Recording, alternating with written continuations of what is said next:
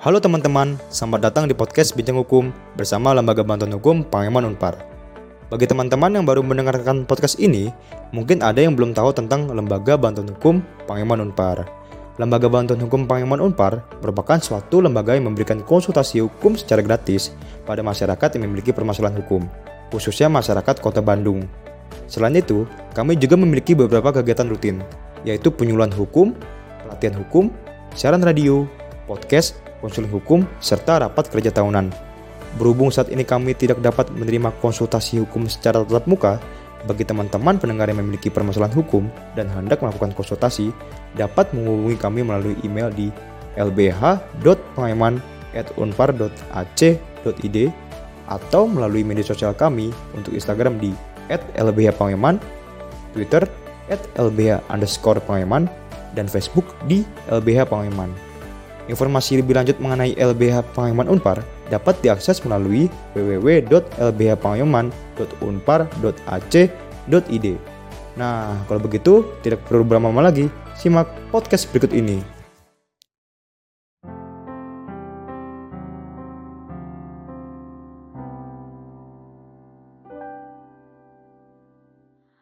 Pendengar podcast, kembali lagi di podcast Bincang Hukum bersama Lembaga Bantuan Hukum Pangayaman Unpar. Kenalin, aku Shannon sebagai salah satu relawan Lembaga Bantuan Hukum Pangayaman Unpar. Seperti biasa nih, aku nggak sendiri di podcast kita kali ini, karena aku bakal ngobrolin sesuatu yang seru banget bareng partner aku yaitu Afsya. Hai Afsya, boleh nih nyapa dulu ke para pendengar. Hai pendengar semua, semoga pada sehat-sehat ya. Nah, Shen, sebelumnya aku mau tanya nih ke kamu kamu suka nonton nggak sih video YouTube atau bahkan kamu itu youtuber nih? Waduh, YouTube ya. Kalau YouTube sih aku setiap hari nggak pernah skip nonton ya. Kalau upload konten mungkin pernah sekali sih. Emangnya kenapa sih? Nah, kamu tahu nggak apa sih yang melakukan ini lagi ramai diperbincangkan di masyarakat? Hmm, waduh, apa tuh siapa Pasti ada kaitannya ya sama konten YouTube nih. Bener banget, Shen. Jadi ada perbincangan nih berdasarkan peraturan pemerintah yang baru-baru ini disahkan bahwa konten YouTube itu sekarang dijadikan sebagai jaminan utang. Wah, kalau gitu kan aku pernah upload konten di YouTube nih. Berarti bisa kali ya kalau suatu saat aku butuh uang dijadiin jaminan utang. Kira-kira kamu tahu nggak sih caranya gimana? Nah, itu sih aku belum tahu pasti, Shen. Tapi untungnya nih kita punya narasumber yang ahli di bidang ini yaitu Bu Rianelia Mariana Venanti SLLM selaku dosen Fakultas Hukum Universitas Katolik Parayangan. Cocok banget nih buat jawab rasa penasaran aku dan para pendengar. Mungkin langsung aja kali ya kita sapa Bu ya. Halo Bu ya, selamat datang di podcast Bincang Hukum bersama LBH Pengayoman Unpar. Ya, halo Shannon. Halo Ibu, gimana kabarnya Bu? Halo Afsya, iya kabar saya baik senang sekali bisa diundang ke acara podcast ini. Ya nih Bu, jadi begini Bu, tadi kami udah sempat ada bahas ya Bu tentang yang lagi ramai diperbincangkan yaitu konten YouTube dijadikan sebagai jaminan utang. Sebenarnya apa sih Bu yang buat hal itu jadi ramai diperbincangkan gitu Bu? Oke, jadi kenapa hal ini jadi ramai diperbincangkan? Pertama-tama kita harus tahu ya bahwa ketika kita membuat suatu perjanjian utang piutang, Oke, untuk menjamin pemenuhan hak kreditur itu diperlukan adanya jaminan. Namun yang menjadi pertanyaan adalah benda-benda apa saja yang sebaiknya diterima sebagai jaminan. Oke, biasanya yang kita dengar diterima sebagai jaminan adalah benda-benda yang mudah dinilai, seperti gadget ya, atau gawai, mobil, motor, rumah, dan tanah. Namun, seiring dengan perkembangan teknologi, muncul berbagai benda-benda yang dahulu kita tidak bayangkan bahwa benda-benda itu bisa menjadi jaminan. Contohnya yang lagi diperbincangkan belakangan salah satunya adalah konten YouTube. Nah, apakah konten YouTube ini dapat dijadikan jaminan? Konten YouTube ternyata bisa dimonetisasi. Artinya, dari suatu konten YouTube kita bisa memperoleh penghasilan. Harus kita diskusikan lebih lanjut apakah tool ya konten YouTube itu bisa dijadikan jaminan. Jadi, dalam podcast kali ini itu yang akan kita perbincangkan. Apakah konten YouTube itu bisa dijaminkan? Kalau misalnya bisa, bagaimana caranya? Kalau misalnya tidak, alasannya apa? Seperti itu, Shannon dan Afsya. Oh, jadi gitu ya Bu, karena kan seperti yang kita tahu bahwa selama ini perjanjian utang piutang itu kan bendanya mudah dinilai. Tapi belakangan ini dengan perkembangan teknologi, benda digital seperti konten YouTube atau NFT itu juga bisa dijadikan sebagai jaminan utang. Nah, Mungkin boleh Bu dijelasin sedikit bagaimana sih pengaturan mengenai jaminan kebendaan yang ada di Indonesia? Oke, nah bagaimana pengaturan mengenai jaminan kebendaan di Indonesia? Di Indonesia itu ada lima jaminan kebendaan yang diatur secara tegas dalam peraturan perundang-undangan. Artinya, hanya lima jaminan ini yang dapat diberlakukan di Indonesia karena hukum benda itu menganut sifat yang tertutup dan memaksa. Oke, apa maksudnya tertutup dan memaksa? Kita tidak bisa membuat jenis jaminan lain selain yang terdapat dalam peraturan perundang-undangan seperti itu. Apa saja lima jaminan kebendaan yang ada di Indonesia? Nah, yang pertama adalah gadai. Gadai ini diatur dalam pasal 1150 sampai 1160 Kitab Undang-Undang Hukum Perdata. Gadai ini merupakan suatu lembaga jaminan untuk benda bergerak baik berwujud maupun tidak berwujud. Kemudian eh, yang kedua adalah jaminan fidusia. Jaminan fidusia ini diatur dalam Undang-Undang Nomor 42 tahun 1999.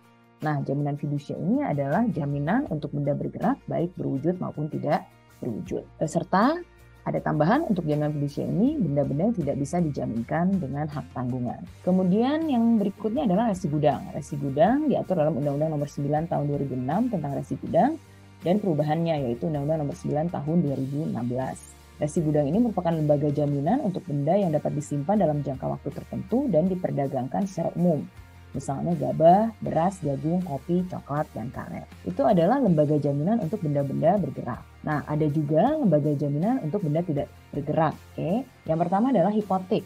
Hipotek ini diatur dalam Kitab Undang-Undang Hukum Perdata pasal 1162 sampai 1232. Selain itu, hipotek juga diatur dalam Undang-Undang Nomor 17 Tahun 2008 tentang perkapalan karena saat ini yang bisa dijaminkan dengan hipotek adalah kapal dengan muatan kotor minimal 20 meter kubik. Jaminan lain untuk benda tidak bergerak yaitu tanah namanya adalah hak tanggungan. Hak tanggungan ini diatur dalam Undang-Undang Nomor 4 Tahun 1996. Hak-hak atas tanah apa saja yang bisa dijaminkan dengan hak tanggungan?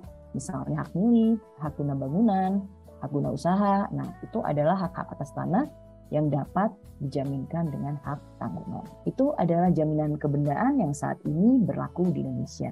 Oke, kita tidak boleh membuat jaminan sendiri selain yang disebutkan tadi. Oke, seperti itu Shannon dan Afsha. Baik Bu, jadi para pendengar perlu diingat ya bahwa jaminan kebendaan itu dibagi menjadi dua, atas benda bergerak dan benda yang tidak bergerak. Di mana benda bergerak itu ada jaminan gada, jaminan fidusia, dan jaminan resi gudang. Sedangkan kalau benda yang tidak bergerak ada jaminan hipotek dan jaminan hak tanggungan. Tapi Bu, mungkin boleh dijelasin apakah kriteria objek yang dapat dijadikan jaminan itu semuanya sama ya Bu? Oke, nah pertama-tama kita harus pahami dulu apa sih sebenarnya fungsi jaminan. Jaminan adalah suatu yang dapat digunakan untuk melunasi kewajiban seseorang yang dapat dinilai dengan uang. Jadi kewajiban kita itu, oke, okay, misalnya untuk membayar, itu kan bisa dinilai dengan uang. Ketika kita berutang pada seseorang, nah kita wajib mengembalikan sejumlah uang pada orang tersebut. Oleh karena itu, jaminan seharusnya dapat dinilai dengan uang. Apabila kita berbicara tentang jaminan kebendaan, kriteria suatu benda dapat diterima sebagai jaminan kebendaan adalah jaminan tersebut dapat ikat atau dibebani suatu lembaga jaminan yang diatur dalam peraturan perundang-undangan sebagaimana yang telah saya jelaskan sebelumnya, yaitu gadai, jaminan fidusia, resi gudang, hipotek, dan hak tanggungan. Intinya, suatu jaminan itu haruslah aman atau secure ya, dan jaminan juga harus dapat dijual dengan mudah atau marketable. Mengapa harus mudah dijual? Kembali pada tujuan dari permintaan akan jaminan itu sendiri, yaitu untuk mengambil pelunasan piutang atau hak kreditur. Kalau kreditur sepakat untuk menerima jaminan yang tidak memiliki nilai jual atau sulit dijual, maka nanti kreditur sendiri akan dipersulit. Dalam arti bukannya piutang tidak bisa ditagih, tetapi bisa ditagih, tetapi penagihannya ujung-ujungnya melalui pengadilan karena kreditur tidak dapat mengeksekusi barang jaminan dengan mudah. Jadi kalau misalnya ada benda jaminan yang diikat dalam suatu lembaga jaminan, misalnya gadai ya atau jaminan fidusia, dan itu sudah didaftarkan, maka nanti eksekusinya bisa lebih mudah dilakukan ketimbang apabila para pihak tidak menyepakati adanya suatu jaminan kebendaan seperti itu. Oke, jadi kalau kita dalam posisi sebagai orang ya yang memiliki hak, kita harus mengamankan posisi kita. Salah satu caranya adalah dengan meminta jaminan. Tidak berhenti sampai di situ, jaminan itu juga sebaiknya kita daftarkan. Oke, misalnya jaminan fidusia didaftarkan ke kantor pendaftaran fidusia. Hal tersebut dilakukan untuk memperkuat posisi kita. Apabila debitur wan prestasi, kita bisa melakukan eksekusi dengan lebih mudah. Oke, jadi tidak perlu sampai ke pengadilan, tapi kita bisa menjual barang di bawah kekuasaan kita sendiri. Seperti itu. Begitu Shannon, Afsya? Baik Bu, berarti untuk kriteria untuk jaminan itu berarti harus dapat dinilai dengan uang, terus juga aman dan juga dapat dijual dengan mudah ya Bu. Nah, e, kalau kaitkan dengan konten YouTube nih ya Bu, berarti bisa nggak sih Bu konten YouTube itu dijadikan sebagai jaminan utang?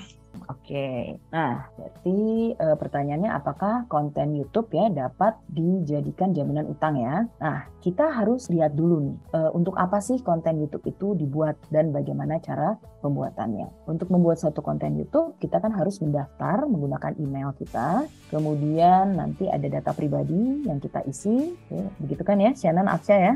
Jadi kita harus istilahnya menggunakan email pribadi kita ya, untuk membuat konten tersebut. Untuk memiliki akun, kita harus mengisi data kan. Nah, kita dapat menikmati konten-konten YouTube yang kita inginkan, bahkan kita bisa mengunggah konten-konten apabila kita sudah punya akun YouTube. Dan konten-konten itu ternyata bisa kita uh, ambil keuntungan, ya namanya adalah monetisasi. Dari cara pembuatan akun dan konten dapat kita simpulkan bahwa sebenarnya akun YouTube ini melekat pada pemilik email. Oke, jadi kalau kita buat akun YouTube itu kan kita ingin menggunakan akun itu untuk memperoleh apa yang kita inginkan, misalnya hiburan, ya. Kemudian untuk mengekspresikan diri kita. Jadi sebenarnya akun YouTube ini seharusnya melekat pada diri kita saja. Oke, nah kalau misalnya dialihkan, pertanyaannya adalah apakah akun YouTube tersebut gitu ya bisa digunakan oleh orang lain? Ya, Padahal orang lain tersebut bukan pemilik email ya yang membuat akun YouTube tersebut. Nah, di sini ada risiko risikonya adalah orang ini bisa mengakses data yang ada pada akun YouTube, di mana akun YouTube itu bukan miliknya. Nah, ini harus dipertimbangkan. Oke, apakah akun YouTube itu bisa dijadikan jaminan? Seharusnya tidak bisa. Bagaimana dengan konten? Konten YouTube itu juga seharusnya tidak bisa dijadikan jaminan. Karena apa? Baik akun maupun konten itu melekat pada pribadi si pembuat. Nah, eh, tapi Undang-Undang Nomor 28 Tahun 2014 tentang hak cipta ya ternyata mengatur mengenai eh, hak cipta. Dalam hal ini adalah hak cipta atas karya sinematografi. Apa itu hak cipta? Apa itu sinematografi, saya jelaskan dulu ya. Undang-Undang Nomor 28 Tahun 2014 tentang hak cipta itu mengatur mengenai definisi hak cipta. Hak cipta adalah eksklusif pencipta yang timbul secara otomatis berdasarkan prinsip deklaratif setelah suatu ciptaan diwujudkan dalam bentuk nyata tanpa mengurangi pembatasan sesuai dengan ketentuan peraturan perundang-undangan. Misalnya nih, Shannon membuat suatu konten YouTube yang isinya Shannon menyanyi seperti itu ya. Jadi hak cipta atas konten tersebut ada pada Shannon. Oke, beda ya. Jadi hak cipta atas konten YouTube dengan konten YouTube-nya itu sendiri berbeda. Kalau konten YouTube-nya tidak bisa dijaminkan, tapi hak ciptanya itulah yang bisa dijaminkan. Oke. Ciptaan itu apa sih? Ciptaan adalah hasil karya cipta di bidang ilmu pengetahuan, seni, sastra yang dihasilkan atas inspirasi, kemampuan, pikiran, imajinasi, kecekatan, keterampilan, atau keahlian yang diekspresikan dalam bentuk nyata. Pasal 40 Undang-Undang Cipta menjelaskan bahwa ciptaan yang dilindungi itu meliputi ceramah, kuliah, pidato, dan ciptaan sejenis lainnya, lagu dan atau musik tanpa teks, drama, drama musikal, tari, koreografi, pewayangan, pantomim, ya, karya fotografi, kemudian karya sinematografi. Karya sinematografi ini adalah ciptaan yang berupa gambar bergerak, moving image, antara lain film dokumenter, film iklan, reportase, atau film cerita yang dibuat dengan skenario dan film kartun. Karya sinematografi dapat dibuat dalam bentuk pita seluloid, pita video, piringan video, cakram optik, dan atau media lain yang memungkinkan untuk dipertunjukkan di bioskop, layar lebar, televisi, atau media lainnya. Jadi menurut saya konten YouTube itu dapat dikategorikan sebagai suatu karya sinematografi. Nah, kalau misalnya dalam konten YouTube itu ada ceramah, kuliah, pidato, ya.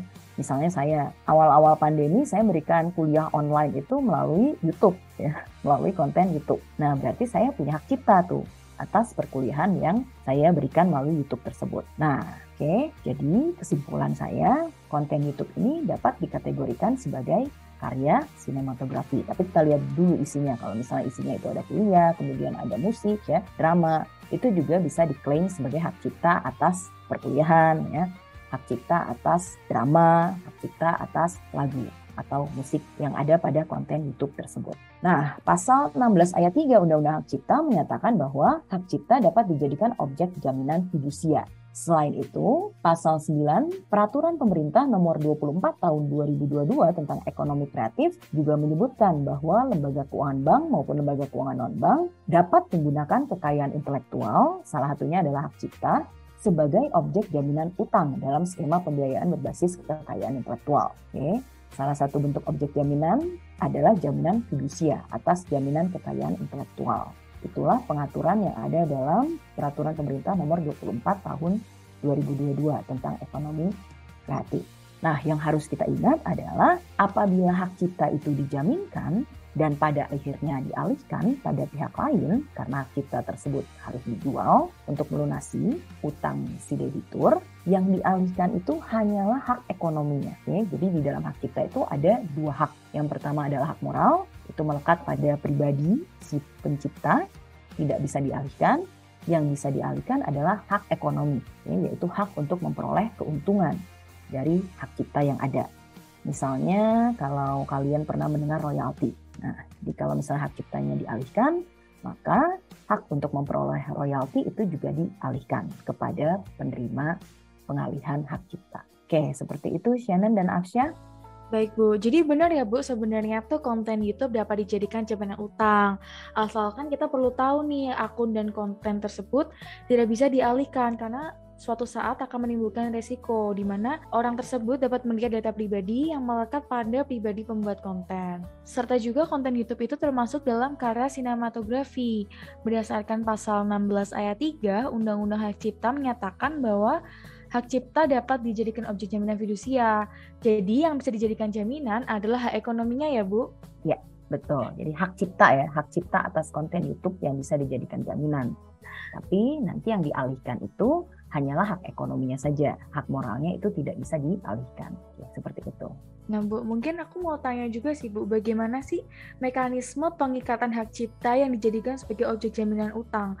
Karena kan kemarin aku sempat riset nih Bu tentang PP nomor 24 tahun 2022 tentang ekonomi kreatif di mana dalam pasal 7-nya itu diatur terkait bentuk objek jaminan utang. Untuk objek jaminan ini hanya konten YouTube saja atau terdapat sektor lain ya Bu yang dapat dijadikan jaminan utang?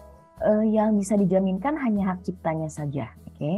jadi kalau untuk konten YouTube, sebagaimana telah saya jelaskan tadi, hanya hak cipta atas isi konten itu, misalnya isi konten itu adalah drama ya, kemudian musik. Nah, itu bisa diurus hak ciptanya ke Direktorat Jenderal Hak Kekayaan Intelektual seperti itu. Itu ada di Kementerian Hukum dan HAM. Oke, jadi yang bisa dijaminkan adalah hak cipta atas entah itu isi konten YouTube-nya atau konten YouTube-nya saja karena dapat dikategorikan sebagai karya sinematografi seperti itu. Jadi kita harus lihat dulu nih isi konten YouTube itu kan beraneka ragam kan bisa saja isinya itu adalah koreografi gitu. Oke. Nah, koreografi itu bisa juga diurus hak ciptanya. Hak cipta atas koreografi itu bisa dijaminkan. Oke. Tapi kalau misalnya isi konten YouTube itu adalah kehidupan sehari-hari, banyak kan uh, public figure ya yang buat konten YouTube untuk menunjukkan kegiatan sehari-harinya itu ngapain.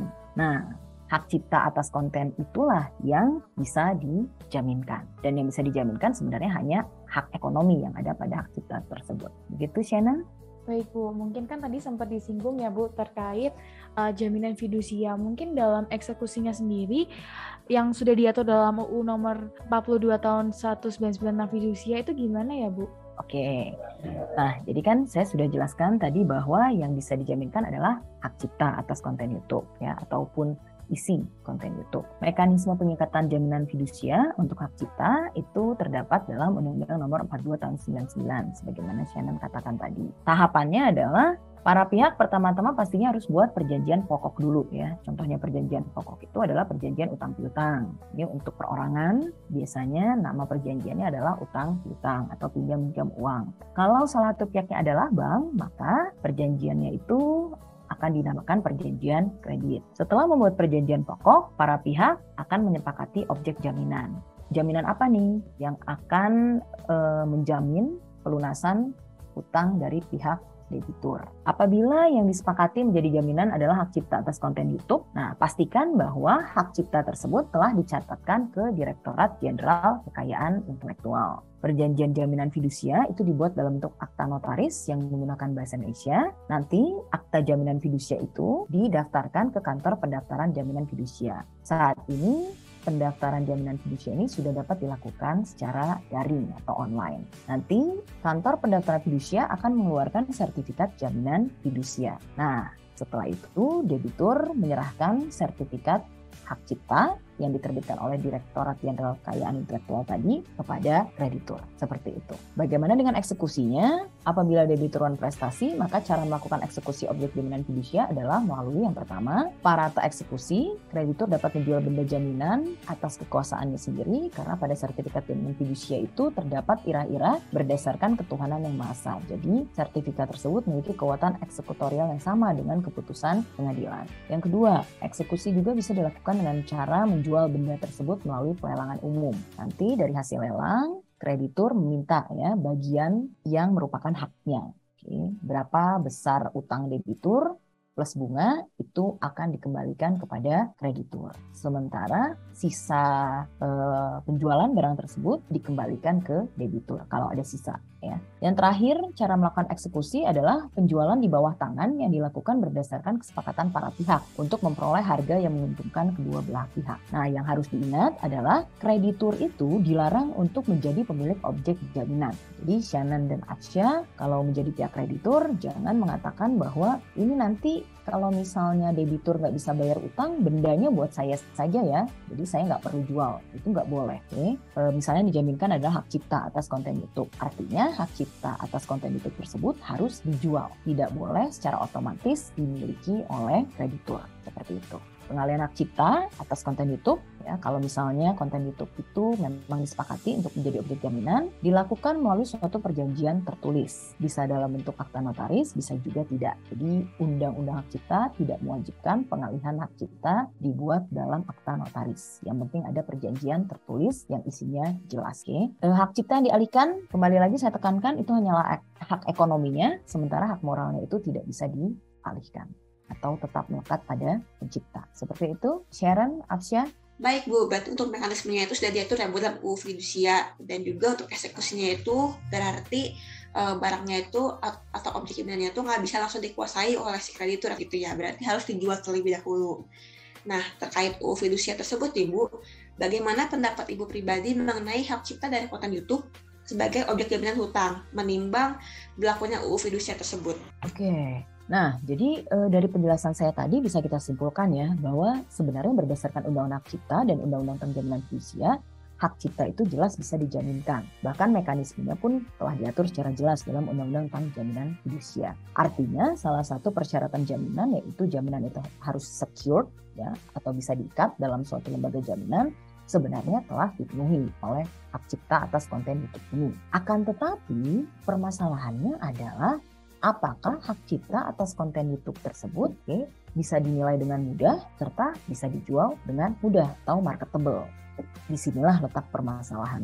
Okay. Yang pertama adalah kalau kita lihat pasal 12 peraturan pemerintah nomor 24 tahun 2022 mengatur bahwa penilaian kekayaan intelektual dilakukan menggunakan pendekatan biaya, pendekatan pasar, pendekatan pendapatan, dan atau pendekatan penilaian lain sesuai dengan standar standar yang berlaku. Penilaian ini dilakukan oleh penilai kekayaan intelektual atau dan atau panel penilai. Apakah sudah ada penilai atau dewan penilai semacam ini sekarang ya atau saat ini? Kemudian bagaimana dengan konten-konten yang tidak masuk ke dalam cakupan peraturan pemerintah nomor 24 tahun 2022 karena tidak dapat dikategorikan sebagai ekonomi kreatif. Apakah terikat pula pada peraturan pemerintah ini?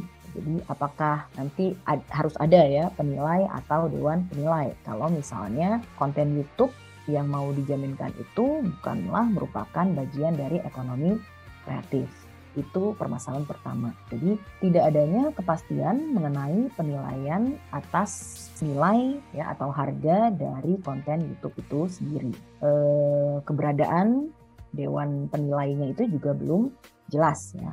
Apakah sudah ada apakah ada ahli yang bisa menilai uh, suatu hak cipta? Ya apalagi konten YouTube ini sulit sekali untuk dihitung nilainya. Oke mengapa demikian? Karena konten YouTube ini bergantung pada pihak lain untuk jumlah views misalnya ya untuk jumlah orang yang melihat. Suatu konten YouTube itu akan bernilai makin mahal kalau misalnya makin banyak yang menyaksikan konten YouTube tersebut. Kita kan tidak bisa memaksa orang ya untuk menyaksikan suatu konten YouTube kalau orang itu mau menyaksikan, dia akan menyaksikan suatu konten. Kalau dia suka terus-menerus, makin banyak views, maka nilai konten YouTube tersebut makin tinggi. Tapi penilaian semacam itu akan sulit dilakukan karena ada pihak lain yang terlibat seperti itu. Oke, berbeda ketika kita mau menilai mobil, ya, motor, rumah, tanah. Nah, nilainya itu akan lebih jelas seperti itu ya. Jadi pendapatan yang diperoleh dari hak cipta atas konten YouTube itu juga tidaklah pasti. Karena adanya ketidakpastian nilai ya, dan metode penilaian, intinya masih ada ketidakpastian mengenai taksasi hak cipta atas konten YouTube ini. Permasalahan berikutnya hmm, adalah siapa nih ya? Siapa yang mau membeli konten YouTube? Rumah, tanah, mobil, gadget, emas mudah dinilai dan dijual. Ya, barang-barang yang saya sebutkan tadi itu mudah dinilai dan lebih mudah juga untuk dijual.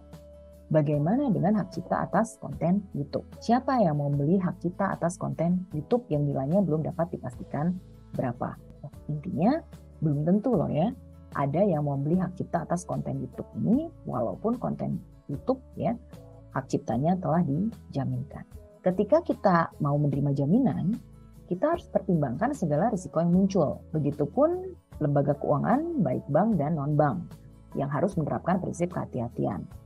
Oleh karena itu, ketika lembaga keuangan, baik bank maupun non-bank harus, harus juga ya mempertimbangkan risiko atas objek jaminan yang pada akhirnya dipilih. Hmm, kita semua dalam menilai suatu jaminan itu layak atau tidak diterima sebagai jaminan harus mempertimbangkan risiko yang muncul ya dari benda jaminan tersebut hak cipta atas konten YouTube betul bisa dijaminkan berdasarkan peraturan perundang-undangan yang saat ini berlaku.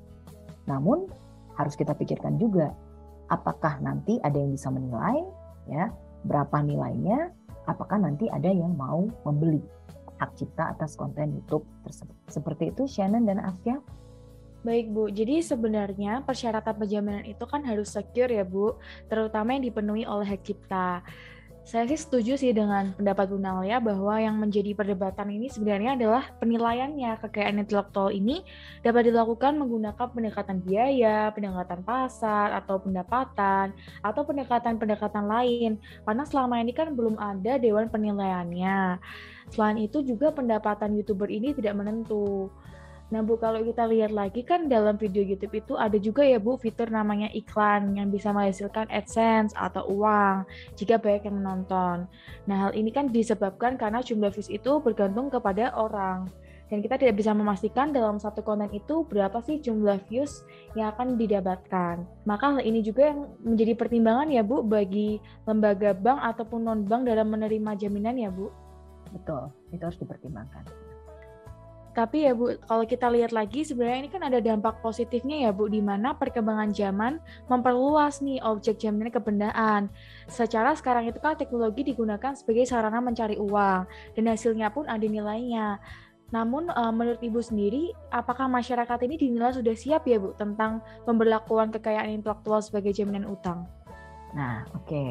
Bisa kita simpulkan sebenarnya masyarakat ya saat ini belum siap. Kalau saat ini belum siap, bukan berarti di kemudian hari tidak akan pernah siap seperti itu ya. Namun masih banyak PR gitu yang harus dikerjakan oleh uh, bukan hanya negara, ya, tapi masyarakat juga harus dibangun suatu kesadaran dan keinginannya untuk mempertimbangkan benda-benda digital, ya, kemudian hak cipta sebagai suatu objek jaminan. Tapi untuk mengarah ke sana, ya, kita harus menyiapkan dalam hal ini sebenarnya negara ya, negara harus menyiapkan metode penilaian, kemudian yang disebutkan di dalam peraturan pemerintah nomor 24 tahun 2022 tadi adanya penilai, okay, serta panel penilai yang isinya ahli.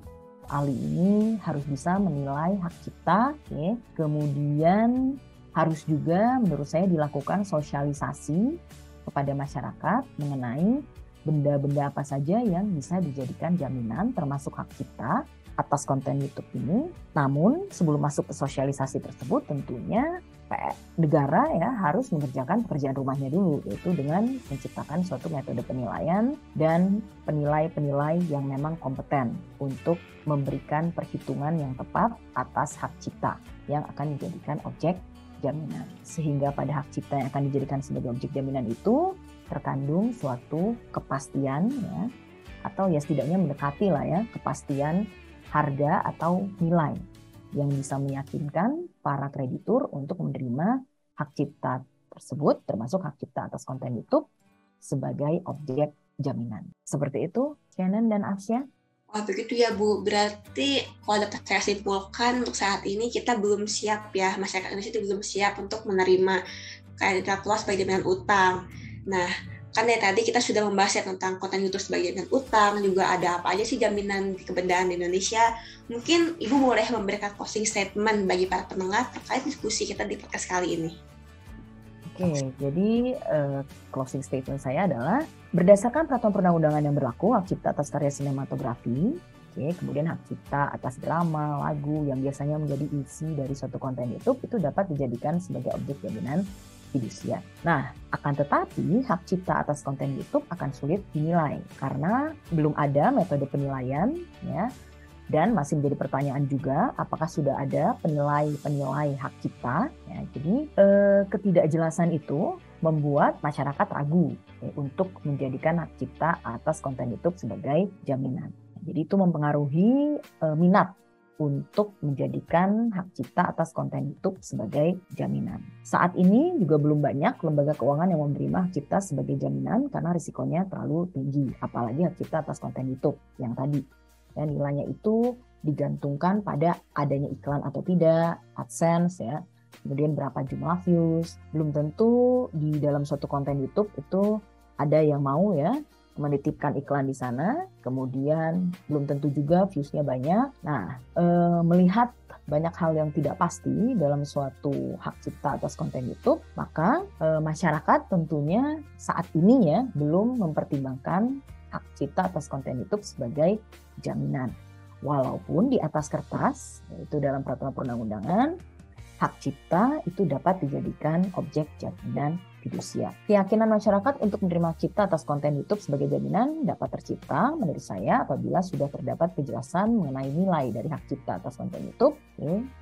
E, sudah ada gitu ya metode penilaian yang bisa membentuk nilai pasti dari hak cipta atas konten itu, penilai atau dewan penilai hak cipta, serta kesadaran dan keinginan masyarakat untuk menjadi pembeli dari hak cipta tersebut. Jadi intinya masih banyak yang harus e, dibentuk ya atau diciptakan untuk menumbuhkan keyakinan masyarakat dalam menerima suatu hak cipta, dalam hal ini adalah hak cipta atas konten YouTube sebagai objek jaminan. Ketika kita masuk ke dalam suatu perjanjian utang piutang, kita akan meminta suatu jaminan yang akan mengamankan posisi kita sebagai kreditor. Oleh karena itu, benda jaminan yang kita terima sebagai objek jaminan itu haruslah memenuhi dua unsur, secure dan marketable. Untuk hak cipta atas konten YouTube, sebenarnya bisa memenuhi unsur secure karena bisa diikat dalam suatu objek jaminan, bisa diikat dalam suatu jaminan fidusia. Ya. Akan tetapi, unsur marketable-nya menurut saya belum terpenuhi karena belum banyak ya orang yang mau membeli hak cipta atas konten YouTube ini. Artinya kalau hak, hak cipta atas konten YouTube itu dijaminkan, belum tentu dia bisa menghasilkan uang yang akan memberikan pelunasan pada kreditor. Seperti itu. Begitu saja dari saya, Shannon dan Aksya. Wah, baik Bu. Berarti uh, bisa digarisbawahi ya Bu, uh, bahwa konten YouTube itu sebenarnya bisa gitu ya Bu jadikan sebagai jaminan utang karena konten YouTube itu tuh termasuk ke dalam karya sinematografi yang mana hak ciptanya dapat dijadikan sebagai objek jaminan fidusia. Akan tetapi karena pengaturannya itu mengenai penilaiannya juga belum jelas ya Bu ya dan juga belum banyak eh, lembaga keuangan yang mau menerima karena uh, besar resikonya. Juga akan mempertimbangkan uh, ketidakpastian ya terkait tadi kata Ibu banyak ketidakpastiannya dan juga uh, kesadaran masyarakat itu sendiri berarti mungkin untuk saat ini uh, kita belum yakin ya Bu atau mungkin belum siap untuk menjadikan konten YouTube sebagai jaminan utang ya Bu. Betul. Ya Bu. Nah, para pendengar tidak kerasa nih kita sudah sampai di penghujung podcast kali ini. Kami segenap anggota LDA Pengamat Unpar mengucapkan terima kasih banyak-banyak pada Ibu Nalia ya Bu karena telah bersedia untuk mengisi podcast kita kali ini. Terima kasih ya Ibu. Ya, sama-sama. Semoga materi podcast kali ini bisa membantu pendengar ya untuk memahami mengenai jaminan dalam hal ini adalah konten YouTube ya sebagai jaminan. Apakah bisa dijadikan jaminan atau tidak. Baik, terima kasih sekali lagi Shannon dan Afsya LBH Pengayoman. Terima kasih. Ya Bu, terima kasih banyak ya Bu. Saya juga mau mengucapkan terima kasih pada penasihat itu Shannon di podcast kali ini. Nah, para pendengar podcast, nantikan terus ya podcast hukum episode selanjutnya. Sampai jumpa.